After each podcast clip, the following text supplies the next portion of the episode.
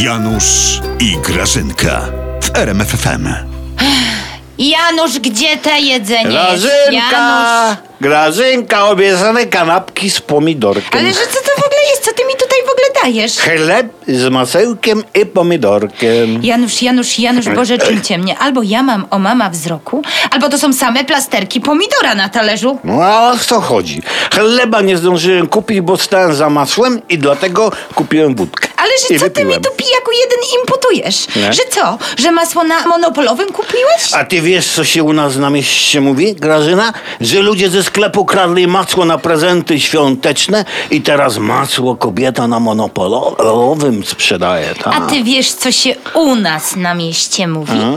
Że złapano złodzieja masła, który zasłaniał się immunitetem sędziowskim i dlatego drożeje, i dlatego na monopolowym, i dlatego to wszystko. A wiesz, co się u was na mieście mówi?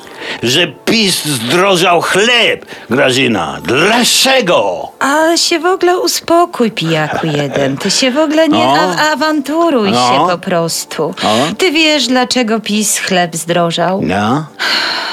Z miłości do Polaków, Januszku. Z miłości. Że kurde co? Chleb drożeje, żeby ludzie go nie kupowali, Janusz. Żeby im nie było przykro, że nie mają chleba czym smarować, rozumiesz?